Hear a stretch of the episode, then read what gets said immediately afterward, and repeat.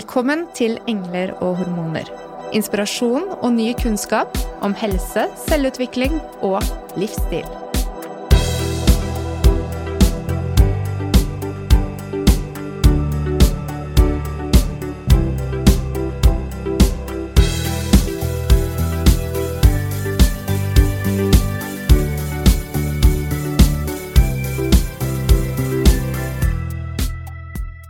I dag skal vi snakke om kvinnehelse, forskning, og få en solid realitetsorientering i relasjon til historikk og dagens tilstand i Helse-Norge.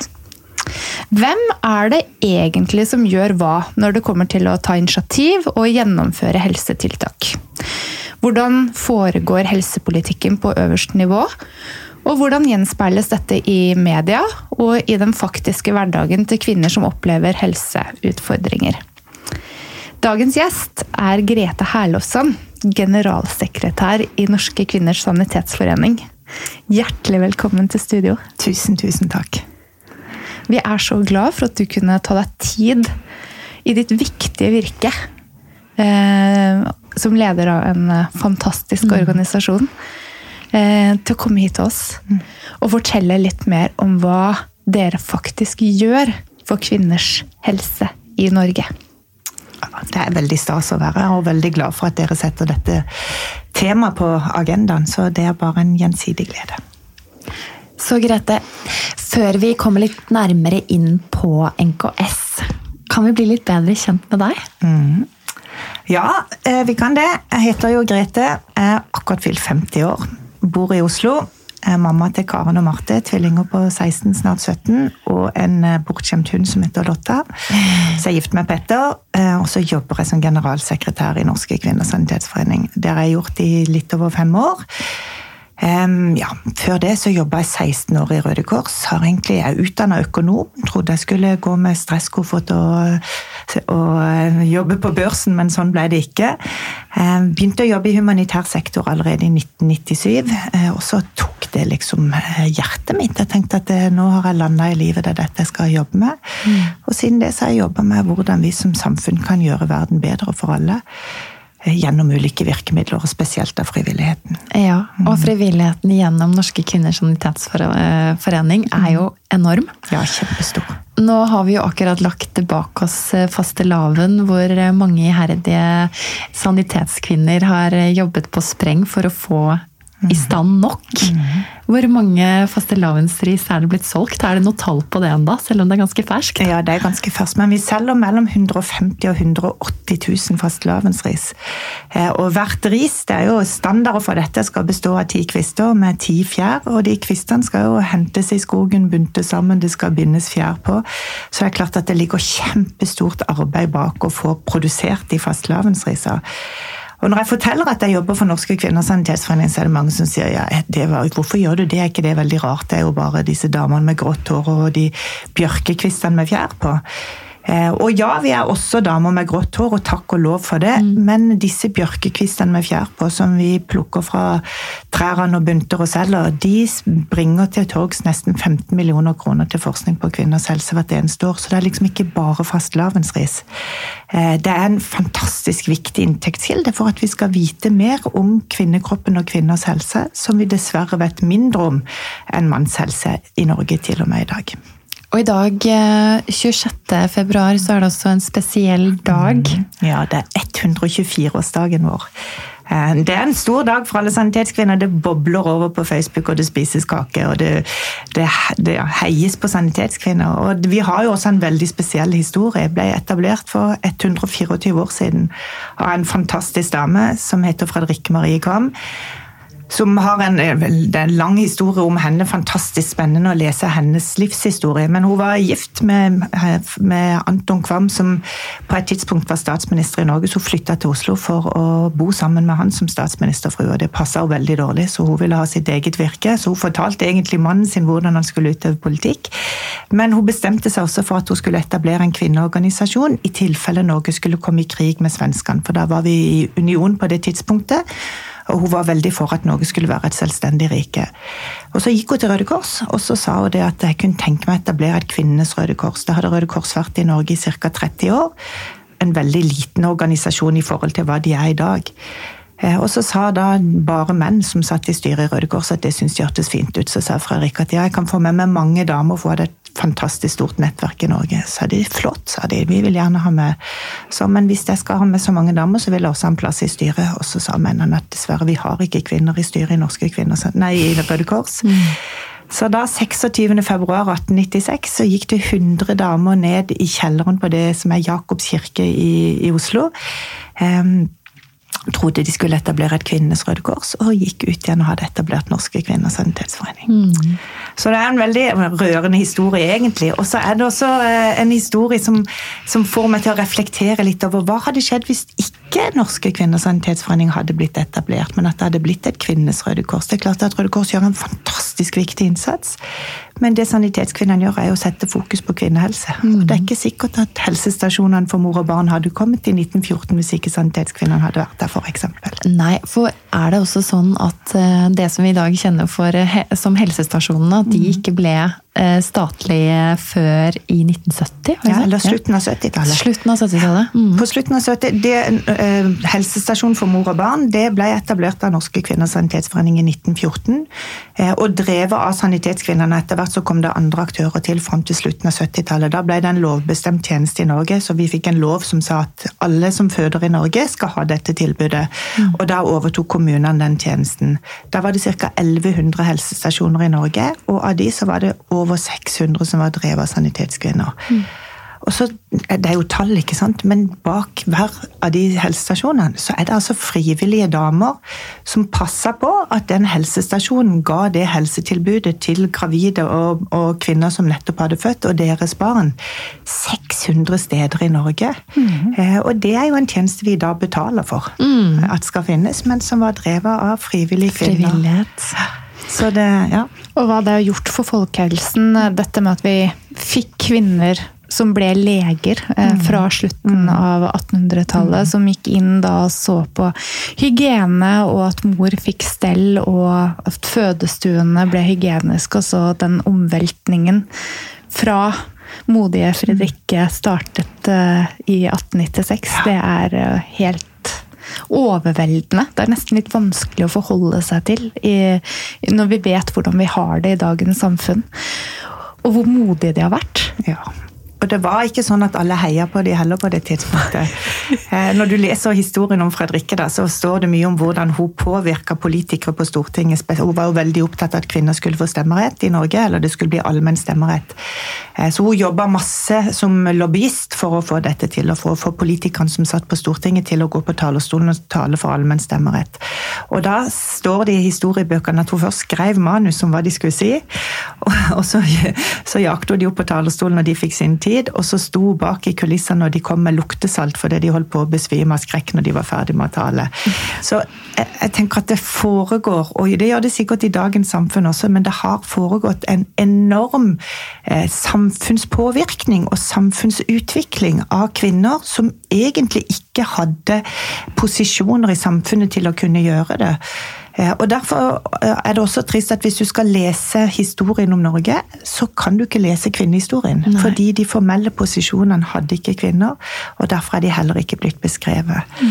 Frank Aarebrot sa på, Vi hadde han eh, salig Frank Aarebrot til å gi oss sanitetskvinnene 120-årig historie på 20 minutter, når vi da feira 120 års bursdag for akkurat fire år siden i dag. Og da sa han det, at de strukturelle endringene som dette samfunnet har kommet til og blitt bygd på, har vært at kvinner har tatt kontroll over egen kropp og kan selv bestemme hvor mange barn de vil ha. For når du reduserte barnekullene, så kunne du også innføre trygdeordninger. Mm. Men det kan du ikke lese om i historiebøkene. For det er de som satt på Stortinget og slo igjennom lovene og vedtok de som det står om, og ikke de som i grunnen la til rette for det. Mm. Mm. Historien er jo til å få eh, gåsehud av. Eh, allikevel så er det jo viktig at vi kvinner står sammen i dag, og at det ikke bare er eh, kvinner i helseprofesjoner som er engasjert i dette, men at dette her gjelder alle. Mm. Definitivt. Altså, det som er et, et, faktum, er jo at vi vet mer om menns helse enn om kvinners helse i Norge. Eh, til og med på hjerteinfarkt, som hjertet er jo kanskje den kroppsdelen eh, som får, har høyest status å forske på, og som det ligger mest penger i. Både fordi at det er en akutt sykdom, men også fordi at statusen internasjonal er veldig høy innenfor dette. Eh, selv på det feltet så vet vi mye mer om menns hjerte enn om kvinners hjerte. Vi vet det er altså sånn at Hvis en mann får hjerteinfarkt, så har han større sannsynlighet for å bli oppdaget raskt, få god behandling og god oppfølging, mm. og diagnostisert tidlig enn en kvinne har. Fordi menn får mer de klassiske symptomene på hjerteinfarkt enn det kvinner får. Og heldige de for det, holdt jeg på å si, med at de får eh, sånn stråling ut i armen og press for brystet og sånn. Mens kvinner som får hjerteinfarkt, der får over halvparten det vi kaller diffuse symptomer, som er at føler seg uvel, svett ja, merker at noe er galt, gå gjerne til legen. Legen spør har du vært utsatt for mye stress i det siste, har det mm. skjedd noe med det? Og ofte har det jo det. Det vet vi jo at hjertet kan henge sammen med stress i kroppen. Så går man hjem, går og legger seg, våkner på natta og kjenner at den er dårlig. Vil ikke våkne den som ligger ved siden av, som jo sover så godt. Går på toalettet, og så det, tar kanskje en tablett og prøver å legge seg igjen. Og det kan være et hjerteinfarkt som er i gang. Mm. Eh, så det er jo kjempeviktig at primærhelsetjenesten kjenner til eh, på en måte kjønnsforskjellene for kvinner og menn, og at vi innenfor helseprofesjoner, når vi lærer opp de som skal ta imot oss i helsevesenet, kjenner til de kjønnsforskjellene som vi må kjenne kjenne til. Og vi er jo ulike. Vi er ulike anatomisk, vi er ulike fysiologisk, vi har ulike Vi har syklus, mm. kvinner. Mm. Sånn at vi er litt kompliserte å forske på. Mm. Og dette er jo noe som vi møter egentlig hver eneste dag i klinikken. At vi ser mye kvinner som eh, har utfordringer kanskje med å bli hørt i forhold til sine plager. Mm. Men hvordan er Norske kvinners sanitetsforening sin rolle i dagens samfunn i forhold til disse kvinnehelseutfordringene? Det vi i hovedsak gjør, Vi er jo i dag en organisasjon som består av 620 lokalforeninger over hele landet. Hvert fylke og ja, mer enn halvparten av alle kommuner har en eller flere sanitetsforeninger eh, med medlemmer som driver det som en frivillig organisasjon. Men hovedinnsatsområdene våre er kvinnehelse, og da kvinnehelse bredt. Så vi både skaffer penger til forskning på kvinners helse, men så har vi også aktiviteter som gjør kvinners helse bedre. Vi, har, vi inkluderer f.eks. minoritetskvinner i aktiviteter, så de får språktrening, nettverk og kan komme ut i arbeid for å forhindre fattigdom og isolasjon osv. osv. Akkurat når det gjelder det å forske på kvinnehelse, så selger vi jo fastelavnsris, som er en av de viktigste inntektskildene for det, og gir deal pengene til forskning på kvinners helse. Og så eh, får, søker vi masse midler fra andre stiftelser, som vi også gjør. Så vi har til enhver tid en ca. 30-40 forskere som forsker på ulike kvinnehelsesymptomer. Eh, og så driver vi politisk påvirkningsarbeid for å passe på at samfunnet likestiller menn og kvinners helse.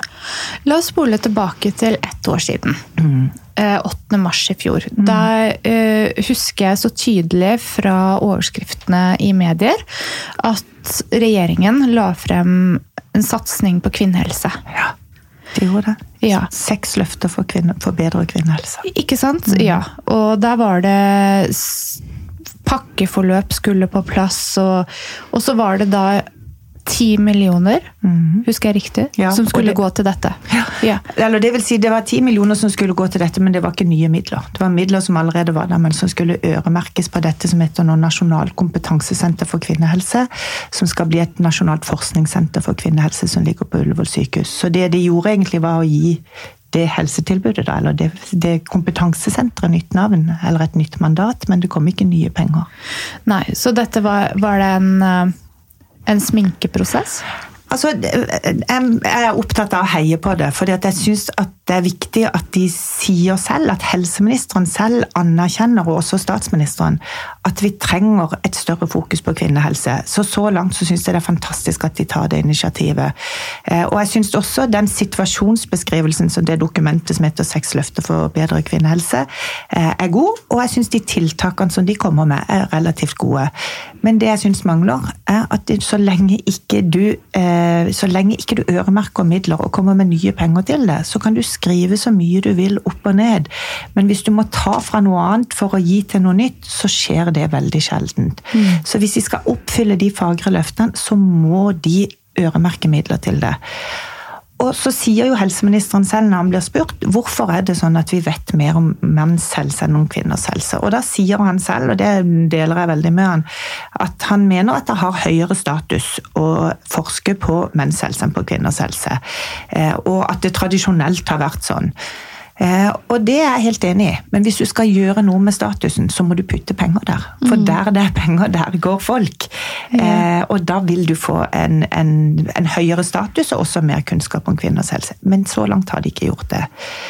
Norges forskningsråd, som jo forvalter en veldig stor eh, andel av forskningsmidlene i Norge, de har sendt ut sin nye strategi på høring. Det gjorde de etter at disse seks løftene for bedre kvinnehelse ble lansert. Eh, det er jo regjeringen som gir penger til Forskningsrådet i stor grad. Eh, men når de sender sin strategi ut på høring, så nevner de ordet kvinnehelse.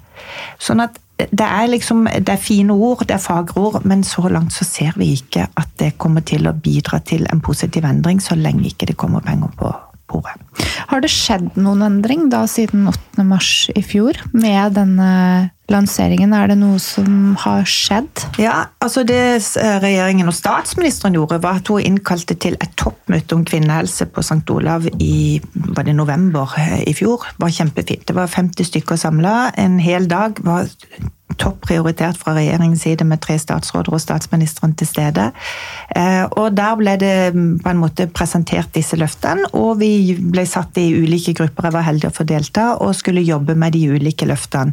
Eh, og Det kom masse gode innspill fra fagfolk og andre som hadde, var invitert og hadde interesse på området. Foreløpig så heller, har heller ikke det materialisert seg i midler, og statsbudsjettet for i år har heller ikke gjort det Det kanskje mest synlige som har skjedd knytta til kvinnehelse, er jo at vi har endra lov om selvbestemt abort for første mm. gang siden den ble etablert for 40 år siden. Det gjorde vi i juni i fjor. Jeg må si, jeg hadde aldri trodd at jeg som kvinne skulle oppleve at vi innskrenker kvinners seksuelle og reproduktive rettigheter i Norge, verdens mest likestilte land, eh, i min levetid. Jeg hadde aldri trodd det skulle skje.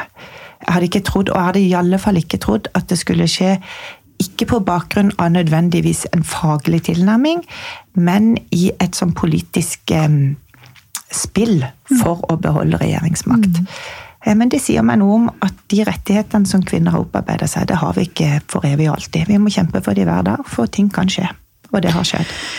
Det er um viktig å være oppmerksom på, tenker jeg. For vi har det så bra på mange måter i dagens samfunn at det er eh, av og til en liten nummenhet rundt å engasjere seg for å beholde det gode vi har, mm. men også se at vi kan forbedre. Mm. At vi kan fortsette å forbedre kvinners rettigheter.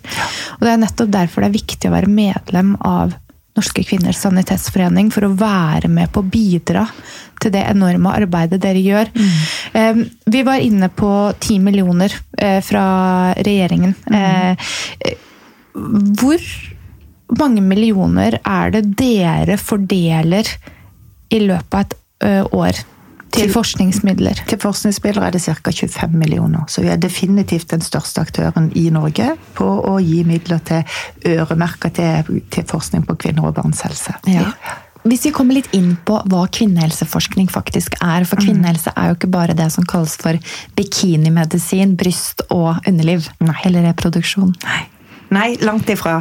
Det er det òg, selvfølgelig. fordi at det, det, som på en måte synlig skiller kvinner og menn, er jo at kvinner har syklus, menstruerer og kan føde barn. Har eh, underliv og bryst. Eh, men eksempelet jeg ga med hjertet. Vi har hjerte begge to, og ingen av oss kan se hjertet på yttersida, men det er ulikt på innsida. Mm. Eh, kreft, f.eks. Mm. Overlevelse etter kreft. Utmattelsessyndromer.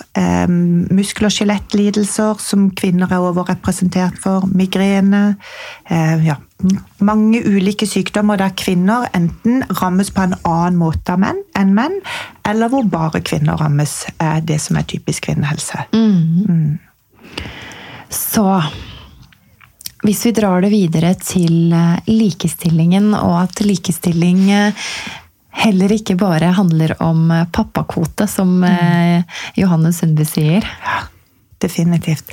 Altså, ja, er, Johanne Sundby er jo en fantastisk dame. Hun har sikkert vært gjest her tidligere, og hun sier jo hun Ikke ennå, men vi ønsker oss. Ja, det må ønske deg, Johanne. Hun, det er en fest å høre på, eh, og virkelig en sånn eh, ja, aha-opplevelse å få lov til å lytte til henne.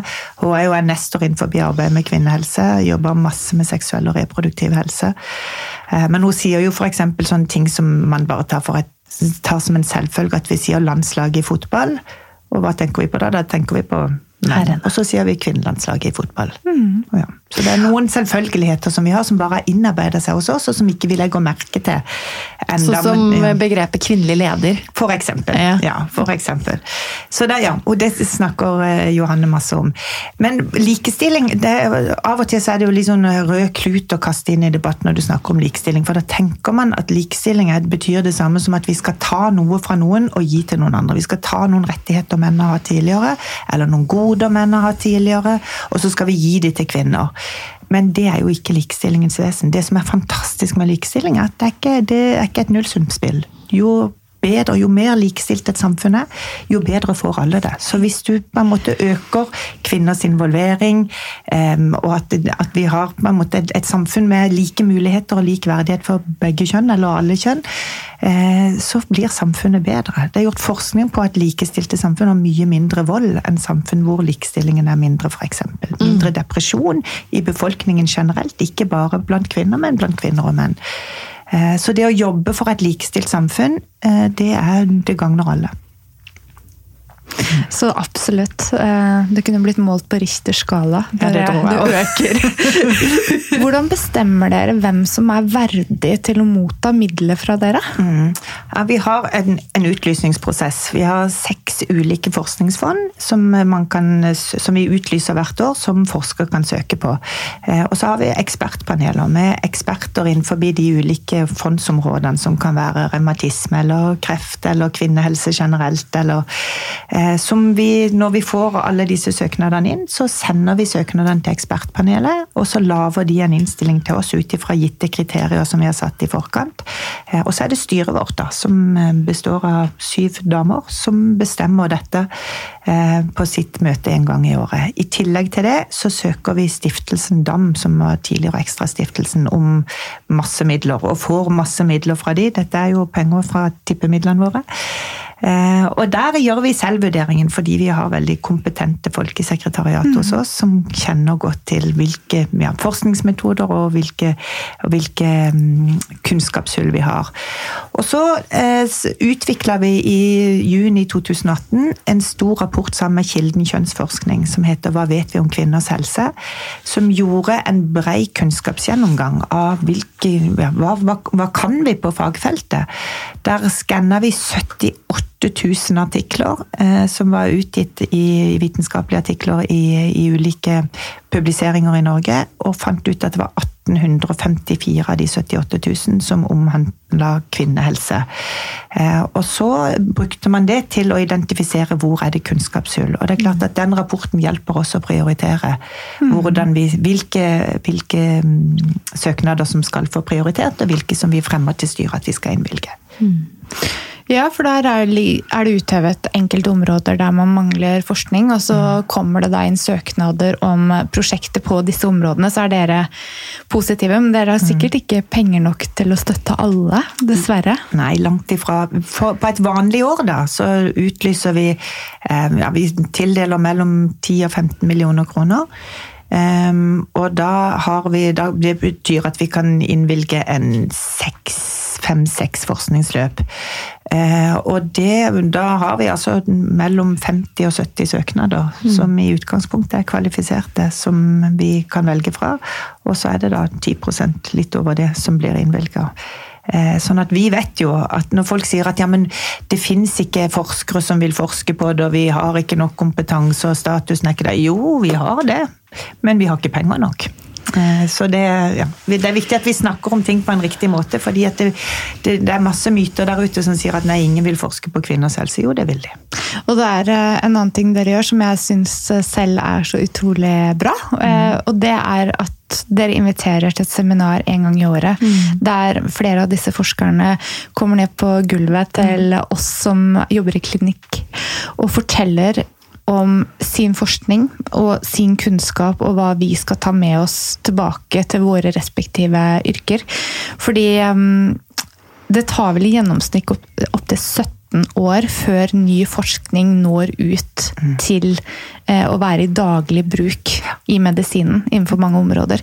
Så det at dere tar den shortcuten mm. og så lager et miljø rundt kunnskapen, det syns jeg er helt fantastisk. Ja, det er godt at du sier vi har, Jeg skal gi et eksempel på det. Vi har altså en fantastisk flink forsker på Sørlandet sykehus, Nora Johansen. Hun har forska på hva skjer med kvinner som eh, frivillig velger å fjerne reproduktive organer fordi at de er redd for arvelig kreft.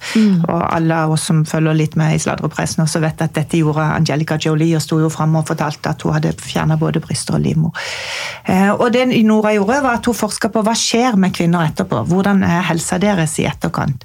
Eh, og så fant hun ut da at dersom kvinner blir tilbudt hormoner rett etter at de har fjerna organet, så vil deres generelle helse være mye bedre enn hvis ikke. Og så spurte jeg Nora da, men eh, da må vi, kan du ikke bare sende ut et brev til alle fastleger eller spesialisthelsetjenesten og si at nå har vi funnet ut dette, dette må skje. Sier hun nei, så enkelt er det ikke.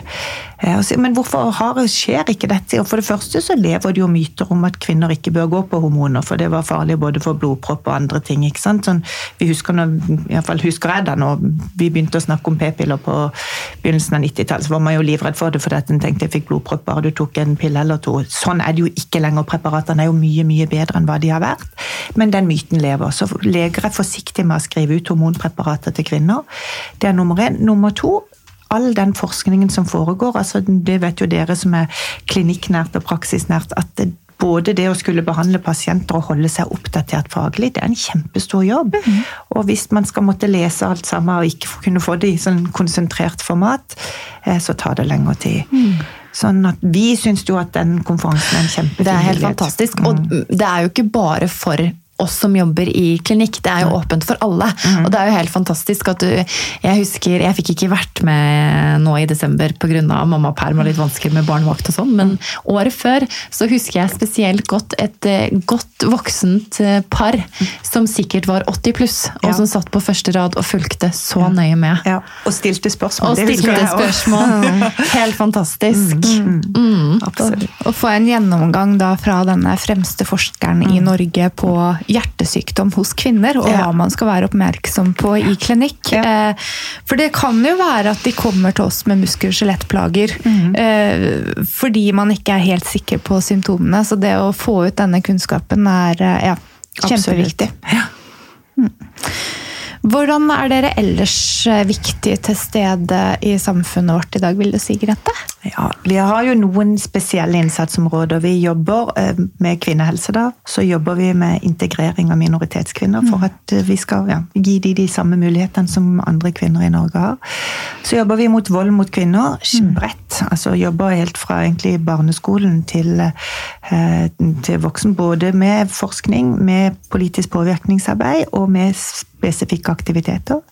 Så jobber vi for å forhindre ensomhet, så vi har masse aktiviteter hvor vi inkluderer mennesker i det vi gjør, og for å gi dem like muligheter, enten om det er å gå på tur, eller lese for barn, eller eh, ha jentegrupper for tenåringsjenter for at de skal føle et fellesskap. Så egentlig det fellesskap og møteplassen er kanskje eh, ja, den, den det ordet som beskriver best hvilke type aktiviteter vi driver på med.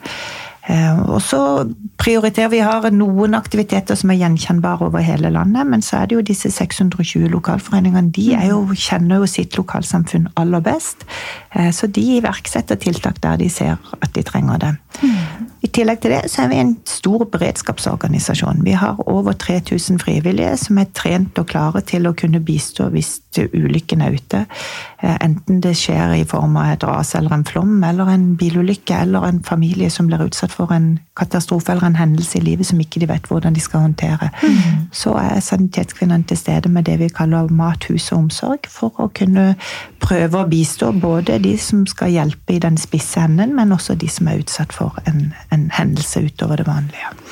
Det er helt fantastisk. Eh, og så vil jeg gjerne fremheve to ting som har med svangerskap og reproduktiv helse å gjøre. og Det er Mamma Mia-prosjektet, som er et gratis tilbud for alle gravide og etter fødsel for å mm. forebygge depresjon. Ja.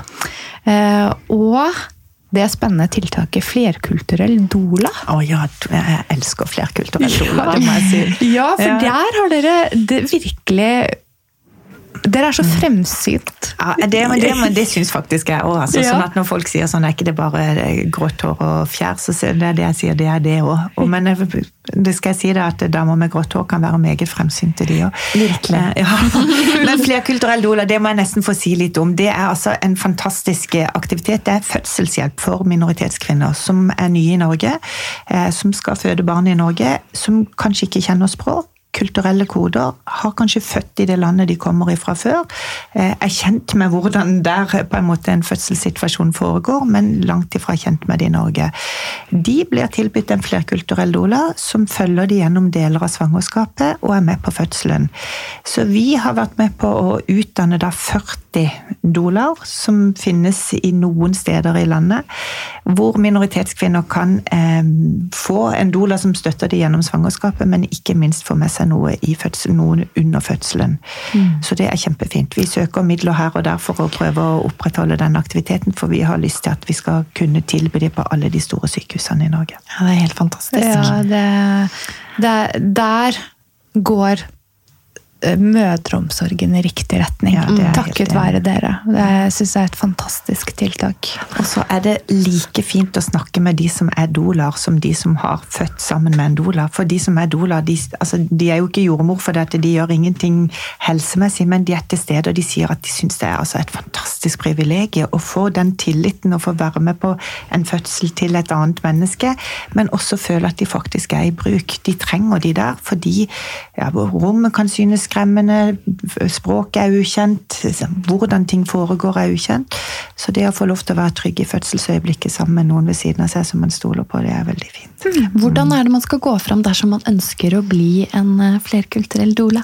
Da skal du ta kontakt med Norske kvinners sanitetsforeningssekretariat. Så skal vi, vi, skal vi guide deg rundt til der som du kan få gjennomgå kurs, og der vi har den type aktivitet som vi bidrar med. For du må ikke være doula fra før av for å søke deg inn? Nei, det må du ikke. Du får utdanning som doula. Det er et mm. kurs man gjennomgår, og så blir du da satt opp på en liste, og så vet vi hvilke, hvem vi kan ha, og så kan minoritetskvinner da snakke med, gjennom svangerskapsomsorgen med, med, de som er relevante for å få dette tilbudet. Helt fantastisk. Og et mm. annet um, prosjekt som dere har som heter Ressursvenn, er også mm. noe jeg har lyst til å løfte litt fram. Ja. Som handler om det å støtte voldsutsatte kvinner i tiden.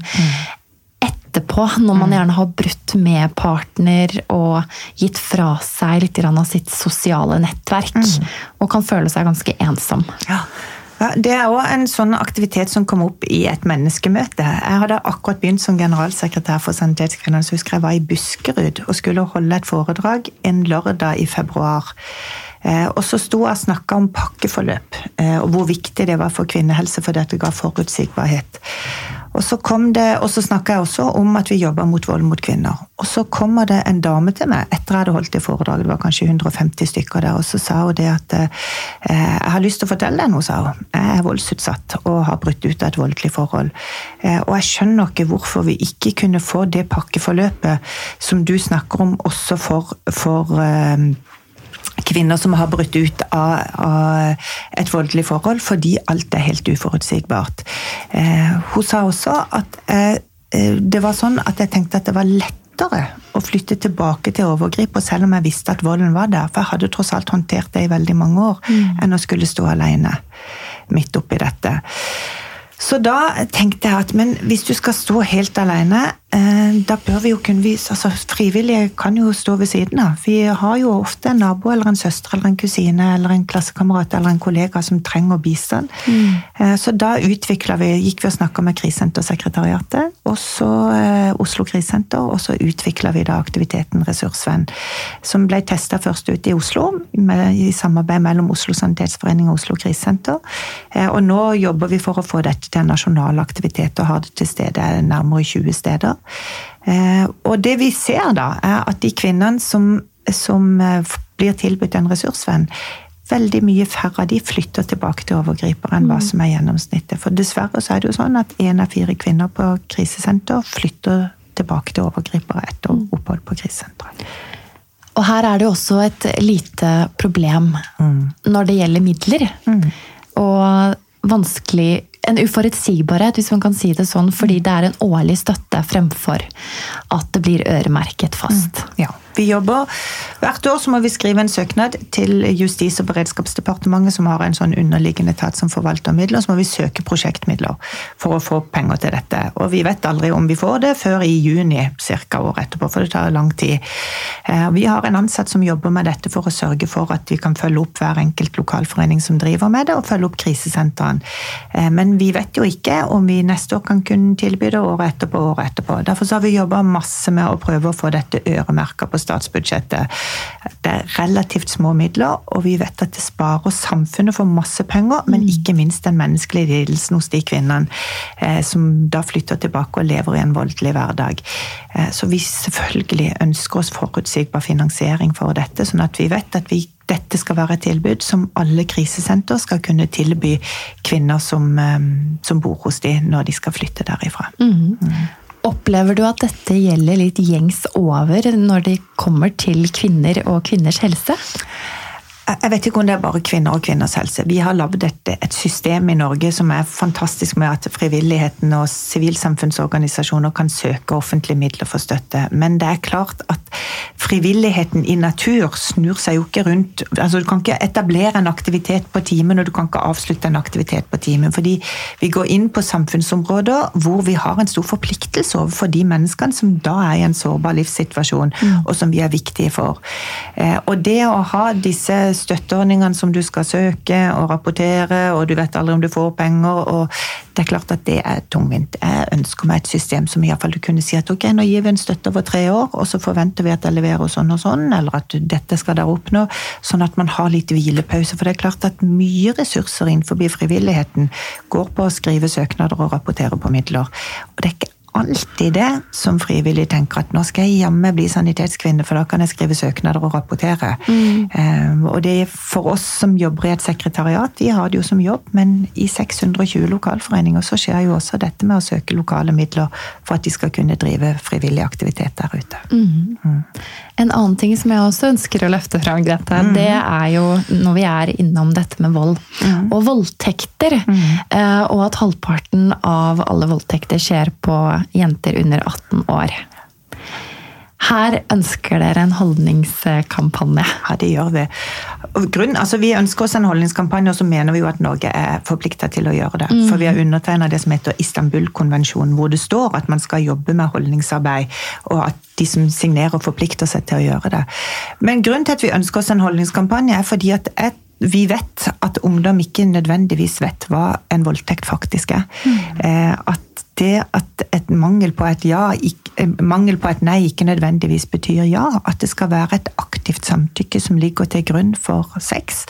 Eh, At ikke du har lov til å ha sex med noen som ikke har sagt at dette har jeg lyst til, eller som sover, eller som har drukket for mye sånn at ikke de greier å være til stede. Det må ungdom vite om. Og Derfor har vi starta en kampanje som heter Ja betyr ja, hvor vi reiser rundt på skoler og snakker med skoleungdom om hva som er voldtekt, og hva som er sikker og trygg sex. Eh, og det er klart at det kommer mange dilemmaer opp i dette, og det er jo ingen som ønsker å bli voldtektsforbryter i en alder av 17 år, eller få russetida si ødelagt av dette, og fremtida etterpå. Mm. Sånn at det å, å ha kunnskap og lave, på en måte bidra til eh, en holdningsendring knytta til dette, det er kjempeviktig. Og det er jo skremmende at én av ti jenter i Norge kommer til å oppleve en voldtekt i løpet av livet, og halvparten av de vil oppleve det før de er fyller 18 år. Det går jo virkelig utover livskvalitet og helseperspektiv. Kvinnehelse er jo ikke bare på unge jenter heller. Det gjelder også de eldre i samfunnet. Absolutt. Ja, det gjør det, og vi blir jo flere og flere eldre. Um, og det er jo også sånn at vi lever lenger og lenger, så vi kommer til å ha et lengre liv som gamle mm. uh, i Norge. På godt og vondt, tenker jeg. Det er en fantastisk ressurs og en mulighet vi har til å kunne bruke livet vårt til å velge det selv. Jeg pleier å måte, vise litt hva det betyr. For 25 år siden så var det sånn at vi levde i snitt syv år etter pensjonsalder. Og nå lever vi i snitt 24. Og så må dere arrestere meg hvis det er liksom 23 og 25, men det, det, sier noe om at vi har tre ganger så langt liv etter pensjonsalder nå enn det vi hadde for 25 år siden. Mm, og det syns jeg vi skal fokusere på. Ikke sant? Ja, det, er, det, er jo et, det, er jo et, fantastisk gode, men ja. det betyr også at vi har jo en stor gruppe mennesker som har, eh, må fylle livet sitt med noe. Frivilligheten er fantastisk med det, men det betyr også at vi lever lenger. Vi sier jo ofte at menn dør og kvinner lider. fordi ja. Ja, kvinner lever lenger. ja. og lever med mer sånn kroniske helseplager enn hva menn gjør. Mm. Sånn at Når vi snakker om kvinnehelse, så er det alltid sånn at det blir møtt med noen som sier ja, det er urettferdig å snakke om det, for menn dør jo før kvinner. Og alt sånt, og det er helt sant. Nå er det jo sånn at avstanden krymper. Vi blir likere og likere i alder.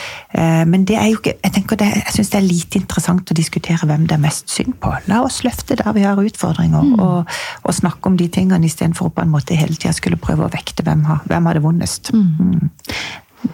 Denne episoden her viser jo hvor viktig sanitetskvinnene er for å løfte fram kvinner i alle aldre. Mm. Fra vugge til grav. Mm. På alle mulige måter. Og rausheten i hva dere gir, både av tid og midler og engasjement, er jo helt fantastisk. Og så tenker jeg på det når du sier med hvor mye eldre vi blir og hvor mye tid vi har, så har jeg også sett forskning som sier at eh, man får bedre livskvalitet, og at man motvirker sykdommer ved å engasjere seg når man blir pensjonist. Så der eh, kan man jo absolutt holde seg frisk og sunn ved å Definitivt. Jeg tenker Det er en aksje for god ja. helse, det å engasjere seg i frivillighet. Ja. Og mening, ikke mm. minst. Absolutt. Fordi nå som sitter og tenker at dette var flott. Mm. Eh, kanskje jeg kan bidra. Eh, hva, hva, kan hver kvinne eller mann i Norge gjøre for å hjelpe og støtte det arbeidet dere gjør? De kan for det første bli medlemmer av Norske kvinners sanitetsforening. Vi er 42 000. Vi har plass til ti ganger så mange og 100 ganger så mange. Mm -hmm. Og det kan de bli ved å gå inn på www.sanitetskvinnene.no, så finner du hvor du kan melde deg som medlem. Eller så kan de oppsøke sin lokalforening og snakke med dem. Hva er det dere driver på med her? Eh, er det noe jeg kan bidra med? Gå på et informasjonsmøte. Eller så kan de bidra med å gi penger når vi har innsamlinger. Vi for når vi holdt på med fastelavnsriset, så kunne du også bidra og kjøpe et digitalt fastelavnsris, og vi fikk inn noe penger til det. Mm. For å vise at du støtter. Og det som jeg syns er veldig fint, da, det er at eh, f.eks. med det digitalt fastelavnsris, så var jeg inne og så på Der kan du se eh, hvor mange som har gitt penger, og hvem, hvem det er. ikke sant? Og der var det jo masse menn som også har vært inne og gitt midler. Og vi har jo ikke bare kvinner som er medlemmer av Norske kvinners sanitetsforening. Cirka, Viktig poeng. Ja, Ca. 4 av de som er medlem hos oss, er menn. Eh, så vi har en ja, 1600-1700 menn i medlemsmassen vår, og har plass til veldig, veldig, veldig mange flere av det også. Kvinnehelse er jo ikke bare for kvinner. Nei. Det gjelder, og, gjelder alle. Ja, mm. definitivt. Vi heter jo Engler og hormoner, og mm. vanligvis så pleier vi å spørre gjesten vår om de har hatt ja, noe møte med gode engler eller hormonelle rush. Men jeg tror bare rett og slett nå at vi skal bare fremheve sanitetskvinnene som engler. Mm, jeg tror det. Ja, ja. Mm, som jobber for at vi skal forstå mer om hormoner og helse. Mm. mm. Vi eh, legger ut link til Sanitetskvinnene i denne episodebeskrivelsen. Gå inn og se hva som skjer der du bor. Kanskje du ser et tilbud som kan være til nytte for noen du kjenner, eller kanskje du kan være med på å bidra til at lokalsamfunnet ditt blir varmere, og kan være med på å støtte kvinnehelseforskning gjennom prosjektene som Sanitetsforeningen har. Mm. Ja. Tusen hjertelig takk for at du kom i studio, Grete. Åh, tusen takk for at jeg fikk være her.